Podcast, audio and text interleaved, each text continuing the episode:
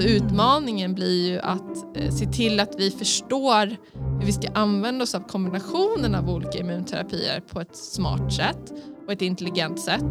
Och att också få datan i tillräckligt snabb fart så att det ger patienterna eh, någonting eh, i slutändan.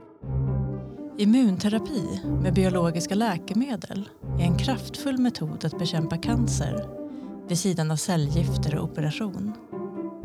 Till exempel utvecklas vaccin mot cancer som sätter igång kroppens eget immunförsvar och som fungerar på flera olika typer av cancer. Du lyssnar på Forskarpodden vid Uppsala universitet och det här avsnittet produceras av mig, Annika Hult. Mitt namn är Sara Mangsbo och jag jobbar som forskargruppsledare vid institutionen för farmaci här vid Uppsala universitet. Eh, jag är disputerad inom klinisk immunologi och jobbar mycket med immunförsvarets roll vid sjukdomar och speciellt med utveckling av nya cancerterapier.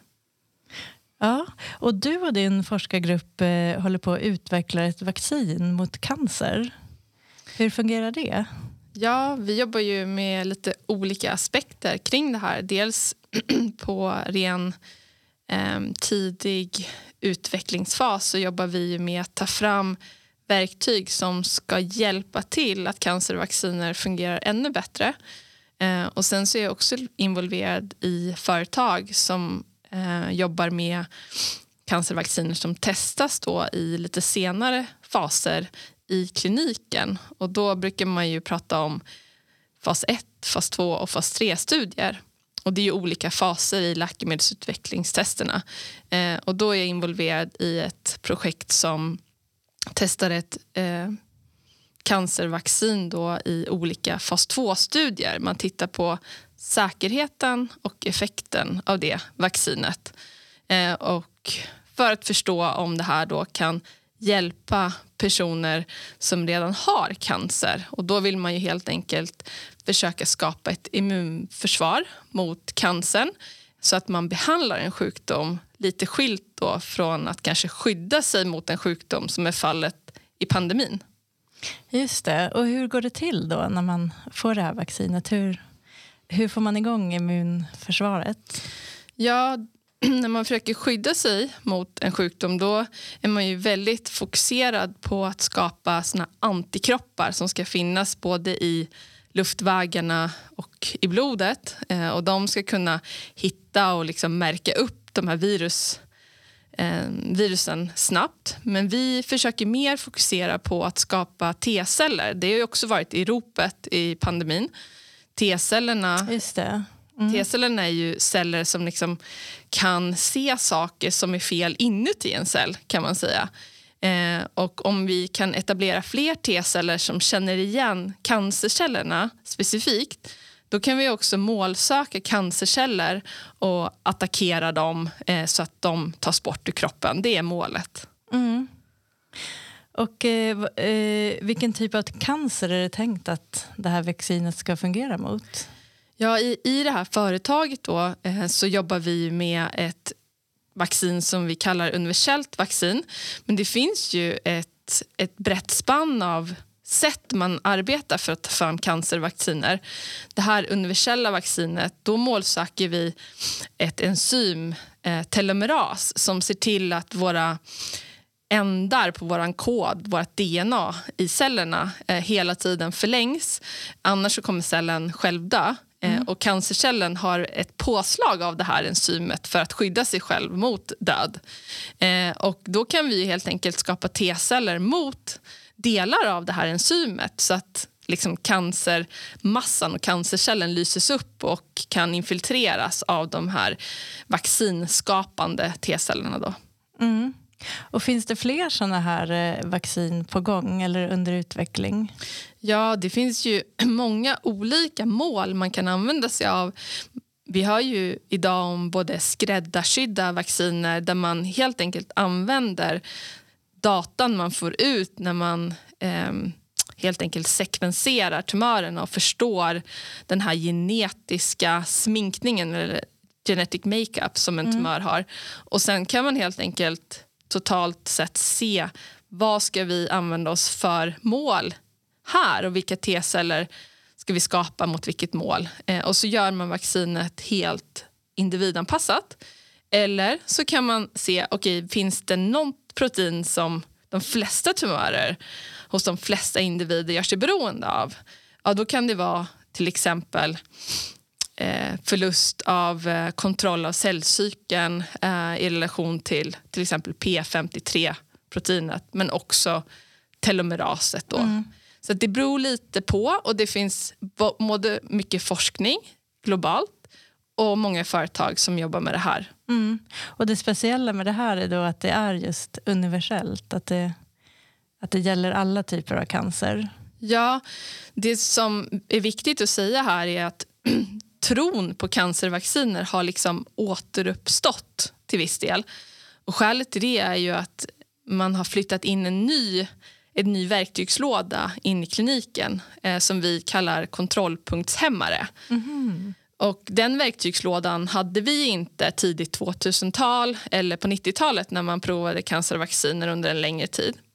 Mm. Men när den flyttade in i kliniken och blev användbar eh, då kunde vi bib alltså tumörerna som finns i kroppen. Vissa tumörformer som hudcancer, urinblåsecancer, huvudhalscancer och lungcancer de kan i sig själva vara lite som ett vaccin. Alltså det skapas lite T-celler genom att de här cellerna är så förändrade så att kroppen undrar vad är det där. Mm. Och då den här verktygslådan som kom in som kallas kontrollpunktshämmare de ser till att vi bibehåller de här T-cellernas aktivitet mot tumören. Men det gör också att den här verktygslådan gör sig väldigt väl lämpad att bibehålla vaccinskapade T-celler.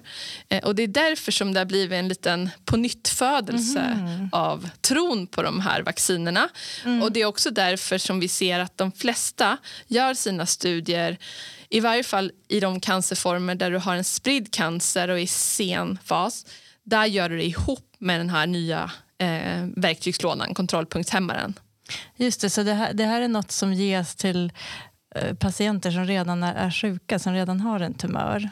Ja, precis. Eh, vi kallar ju det terapeutisk vaccinering. Då. Mm. Vad, vad, är din och din forskargrupps roll i det här eh, arbetet? så att säga? Ni, ni, ni har liksom en specifik roll i projektet, har jag förstått. Alltså vi, vi har ju jobbat då med en ny eh, plattformsteknologi eh, som, som togs upp av det här företaget. Och, och den rollen har ju jag haft då som en innovationschef på det här företaget för att bidra med att den här nya vaccinteknologin ska komma in eh, i kliniken. Och det har vi eh, faktiskt tagit ett steg och, och testar en helt ny vaccinteknologi då i kliniken inom prostatacancer. Eh, min roll annars för det här eh, vaccinet som har kommit lite längre det är ju att eh, jag bidrar med kunskaper som jag har från mitt perspektiv precis som alla gör i det här teamarbetet när det handlar om läkemedelsutveckling vilket verkligen kräver många olika expertiser. Eh, och Det är också en ganska lång resa från att du tar fram en ny idé till att du validerar den idén till att du ser att du kan göra ett läkemedel, att du kan skala upp produktionen av det, att du kan testa det eh, i olika modellsystem, att du sen går in och gör de här fas 1 2 och 3-studierna. Och under den här resan så behövs det olika experter och då bidrar man med den expertis man kan in i den resan. Mm, så det är ett grupparbete kan man säga? Ja, det är verkligen ett grupparbete.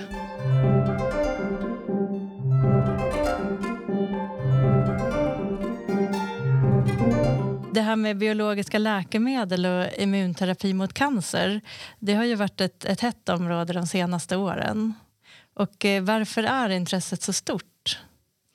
Nej, men, någonting som jag tror de flesta som kanske inte hade arbetat med immunterapi och cancer innan man såg den här nya verktygslådan då i kliniken de hade kanske inte för vana att se att man kunde förlänga överlevnaden hos patienter som hade en spridd cancersjukdom. Det var liksom ja, du kunde använda verktyg men, men egentligen så var det i en tidig fas där du kirurgiskt kunde operera bort tumören som du hade bäst chans att bli frisk. Mm. Men så helt plötsligt så fick vi en, en arsenal eh, i form av de här T-cellerna eh, som fungerade så att de kunde inte bara hitta eh, den liksom originaltumören men också spridda eh, mm. celler som hade spridit sig i kroppen och söka upp dem. Och Det gjorde att man hittade, man kallar det överlevnadskurvorna, liksom när man kanske efter fem år från sin diagnos med spridd hudcancer så hade man kanske bara en 10% i överlevnad. Och sen så sakta men säkert så har den flyttat sig till kanske 50-60% som överlever efter fem år. Och den liksom det paradigmskiftet när både klinikerna och kanske industrin och akademikerna såg det här eh, blev ju att man förstod vilken möjlighet och kraft som låg i immunförsvaret och kanske på något sätt helt plötsligt blev övertygade om det. Och det, jag tror att den, det har liksom också såklart blivit en förändring i hur samhället ser på möjligheterna kring att bota cancer. Mm. Så, och, och vad, är, vad är liksom den stora skillnaden mot andra mer traditionella läkemedel som cellgifter? Ja, men cellgifter har ju en viktig roll att spela idag och, och i vissa cancerformer en hörnsten i behandlingen. Eh, men, men man har också sett att just för, för en viss typ av cancerformer så spelar kanske då de här kontrollpunktshämmarna en ännu större roll. Eh, och de fungerar ju på lite olika sätt. Eh, även om de här kemoterapierna då också på något sätt kan faktiskt samverka med de här immunterapierna. För när du, när du slår på en tumör och, och dödar tumörcellerna som du gör med de här kemoterapierna då släpper du lös massa proteiner, massa små delar från tumören. Mm. Och Det gör också att vi skapar faktiskt lite immunsvar av det även om Aha, Även om kemoterapin också kanske på något sätt inte är så bra för vårt immunförsvar. För mm. Det består ju av snabbt delande celler så även de kan ju ah, påverkas. Men, eh, men samtidigt så finns det idag en, en, en vetskap om att det finns eh, en bra kombination med att ta immunterapi och kemoterapi ihop. Och kanske framöver så kommer vi lära oss ännu mer om hur ska vi använda den kunskapen i kliniken. Eh, för vi är ju ganska traditionella i kliniken och vi bör vara traditionella. Det vill säga vi vill inte ändra en dos Nej. som fungerar. Eh, men om det skulle vara så att vi skulle kunna se att i kombination med immunterapi så skulle dosen kanske behöva ändras för att slå lite mindre kraftigt på immuncellerna men bibehålla deras aktivitet och bara skapa lite celldöd för att slå till tumören med hjälp av immuncellerna då kanske det skulle kunna vara ytterligare avancemang av eh, immunterapiernas roll. Men det gör man ju inte lättvindigt för har man en, en väldigt god effekt med en kemoterapi då är det ju det man använder sig av. Mm. Och eh, hur, hur kom du själv in på det här området med biologiska läkemedel? Ja, jag började ju doktorera 2006. Eh, och det var ju under Thomas Tötterman och Angelica Loskog. Och det var ju liksom starten kan man säga på när jag fick bli exponerad för immunterapier första gången. För det var ju, var ju verkligen immunterapier som Angelica och Thomas höll på med. Mm. Eh, och det gjorde ju att jag eh, ganska tidigt och innan den här explosionen och nyfikenheten på immunterapier blev liksom global fick jag vara med och se eh, när ingen brydde sig om det här fältet i Nej. princip. Eh, men sen så gjorde jag en postdoc utomlands eh, i Leiden. Och det fick jag ju också med mig massa kunskap från eh, kring immunterapier och framförallt vaccin, då, cancervacciner. Och eh, när jag kom tillbaka till Sverige sen eh, så gjorde ju också universitetet en satsning senare då på eh, biologiska läkemedel i form av sån här biträdande lektorat och då fick jag chansen mm. att gå in på ett sånt. Eh, och numera är jag då lektor inom biologiska läkemedel. inom biologiska läkemedel så måste vi ju då hitta möjligheter att utbilda både studenter, att fortbilda personal inom sjukvård och industri inom ämnet eftersom det blir fler läkemedel som kommer ut på marknaden och används. Och Det innebär ju också en ny roll för universitetet. Vi måste se till att vi rekryterar in personal som kan utbilda inom det här ämnet som växer. Mm. Eh, och Det görs ju också satsningar från eh, från politiska håll kring just ämnet biologiska läkemedel som mm. också handlar om produktion av dem. Eh, så att, eh, det, är ju, det är ju väldigt dynamiskt eh, och väldigt roligt fält att vara i. Mm. Och nu när vi ser att också de här mRNA-vaccinerna eh, har tagit ett kliv in eh, och används på ett helt annat sätt så, så finns det ju så många möjligheter framåt att eh, skapa nya verktygslådor ja. för att behandla patienter. Så de här vaccinerna mot covid, har det också bidragit till intresset för biologiska läkemedel? Ja, jag tror att allting bidrar. Mm. Eh, och eh, att det finns så mycket just nu som talar för eh, styrkan hos de här läkemedlen. Mm. Mm. Och där har Uppsala universitet en ganska eh, viktig roll då, kring det här med biologiska läkemedel. Ja, eh, och jag tror att vi kommer ha en viktig roll om vi vågar bibehålla den här satsningen då kring biologiska läkemedel så har vi en chans att verkligen sätta Uppsala på kartan och det hoppas jag att vi kan göra framåt också. Mm. Och eh, vad finns det för utmaningar framöver då som du kan säga, i, i din forskning? Ja men det är ju utmaningarna ligger ju nu i att vi måste följa datan och se vad, vad blir resultatet av de här studierna? Både den tidiga forskningen såklart som vi gör men också det som händer i kliniska studier. Och det är ju, det är ju så att de här T-cellerna spelar ju en stor roll för att hantera cancern men det finns också andra typer av immunceller som hela tiden försöker eh, eller de, de är ju inte tänkande individer i sig men det finns en, ett samspel här där tumören eh, är bra på att rekrytera in celler som hämmar de här T-cellerna. Eh, och därför så jobbar ju många på fronterna där man också försöker bli av med celler som man kallar suppressorceller som trycker ner vårt immunförsvar. Mm. Så utmaningen blir ju att eh, se till att vi förstår hur vi ska använda oss av kombinationen av olika immunterapier på ett smart sätt och ett intelligent sätt och att också få datan i tillräckligt snabb fart så att det ger patienterna eh, någonting eh, i slutändan. För det tar ja, ju så lång tid eh, med de här kliniska studierna. Alltså att, att patienterna också ska bli hjälpta av eh, ja, behandlingen. Ja. Och sen är ju klart att det finns ju jättemycket aspekter kring det här som handlar om hur vi tar fram de här läkemedlen. Eh, vad är kostnadsdrivande? Kan vi se till att vi gör eh, läkemedel eh, mer kostnadseffektiva i produktionen? Kan vi se till att de är säkra. Eh, det är oftast en komponent av biologiska läkemedel som eh, den, den toxicitet som man kan se är oftast immunologiskt medierad. Så det är vårt immunförsvar som spelar en roll också i effekten men likaså i toxiciteten. Alltså hur, eh, hur bra man klarar av det och om man får några biverkningar. Mm. Eh, och den, den liksom, man brukar prata om klass effekter och biverkningar. Och för immunterapier så är det framförallt immuntoxicitet som man pratar om då. Mm, vad innebär det? Mer, mer ja, men det kan ju innebära olika saker. Det innebär ju att du kanske kan reagera direkt när du får terapin. Man kallar det för en infusionsreaktion. Eh, mm. Men det kan också innebära att du utvecklar en immunologisk svar som kanske attackerar en frisk Aha. cell. Och då brukar vi prata om autoimmunitet.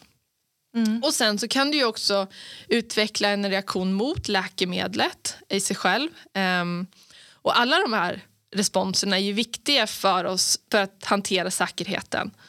Och då tänker jag liksom att framöver så, så, kommer vi kunna utveckla effektivare läkemedel med en bättre säkerhetsprofil och det är jätteviktigt och det borde vi satsa mer pengar på.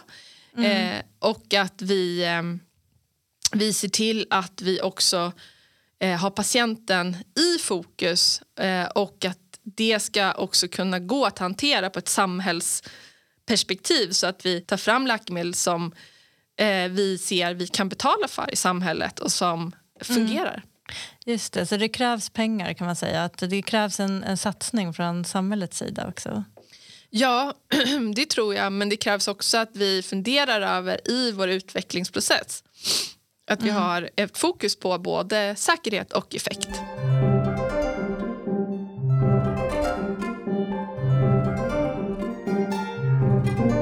År 2020 så fick du eh, Uppsala universitets innovationspris, eh, Järnäpplet. Eh, och det, är ju, eh, det belönar eh, särskilt framstående insatser när det gäller kunskapsöverföring, innovation och nyttiggörande av forskning. Eh, hur kändes det att få det här priset? Ja, det var fantastiskt att få ett av av Uppsala universitet just som, som jag faktiskt har jobbat för under en så lång tid och att man får just det fina priset som jag ser har gått till så många personer som jag själv ser upp till. Eh, och eh, ja, nej, det är väldigt inspirerande. Och hur kom det sig att du började jobba med att eh, omsätta din forskning till eh, innovationer och starta företag?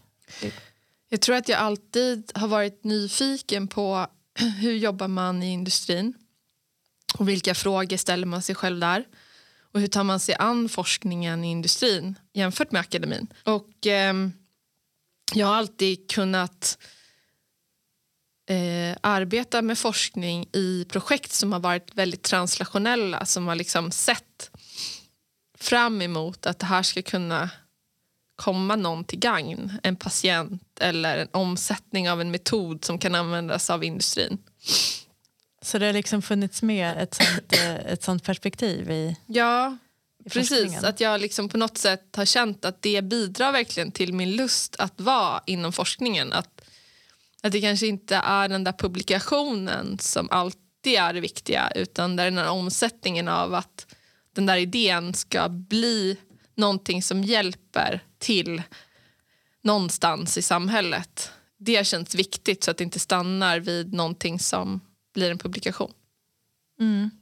Och du har eh, startat tre olika företag och så har du även sålt av ett dotterbolag. Eh, berätta lite om de här olika företagen. Ja, eh, det var ju 2014 då som jag startade det första företaget, Immunid. Och i det läget så var ju jag helt novis kring företagande. Det var ganska eh, läskigt och mm. utmanande. På vilket sätt då? Eh, man, man har liksom inte riktigt de där verktygen och de där kunskaperna och det där nätverket man behöver för att lösa lite frågor. Mm. Och eh, allting är nytt eh, första gången. Så att det var eh, en ganska stor grej att våga starta det första företaget för mig. Mm. Och jag gjorde ju det tillsammans då med Thomas Tötterman och, och Erika Fletcher. Men ganska snabbt så... Jag hade en mentor, Jörgen Lundgren, och han, han tillhandahöll sitt nätverk till mig mm. liksom inom industrin på ett väldigt fint sätt. Eh, han delade med sig så generöst av det nätverket. Och Det ja. nätverket ledde ju till både liksom styrelseengagemang för Imunid och eh, även investerare. Mm. Och Det var liksom fröet någonstans som gjorde att det här blev någonting. Och Immunid eh, var ju i början liksom två delar. Både en serviceverksamhet kring en metod som jag faktiskt fick stöd från Vetenskapsrådet för att utveckla eh, initialt och som sen då kunde bli en metod då inom en serviceverksamhet för mm. Immunid. Och det handlar om att just förutspå de här immuntoxiciteten, de här biverkningarna mm. kring läkemedel. Eh, och sen så handlade det om en plattformsteknologi eh, för att förbättra cancervaccinernas effekt.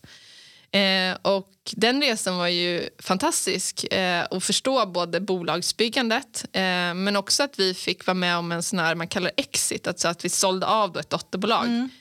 Eh, och då såldes den här plattformsteknologin då till Ultimovax. Eh, mm. Och Ultimovax är ju idag ett eh, norskt börslistat företag. Men sen så har de kvar då det här dotterbolaget som sitt dotterbolag idag. Mm. Och det är Ultimovax AB här i Uppsala. Mm. Ehm, och då har ju också gett vi har gett chansen då till Immunid att bli ett renodlat servicebolag. Eh, och det gör ju att den verksamheten har växt till att vara en global verksamhet där stora och mindre bolag eh, i hela världen använder sig ah. av Immunid för, sin, för att förutspå de här eh, biverkningarna som skulle kunna hända innan de går in i kliniken. Mm. Eh, och på så sätt kan de ju liksom se till att de inte utsätter någon individ för det om det inte behövs. Ehm, och sen så fick jag starta ett eh, företag som heter Vivologica. Mm. Och det företaget utvecklar eh, en techlösning för att ta hand om data från in vivo-studier, helt enkelt.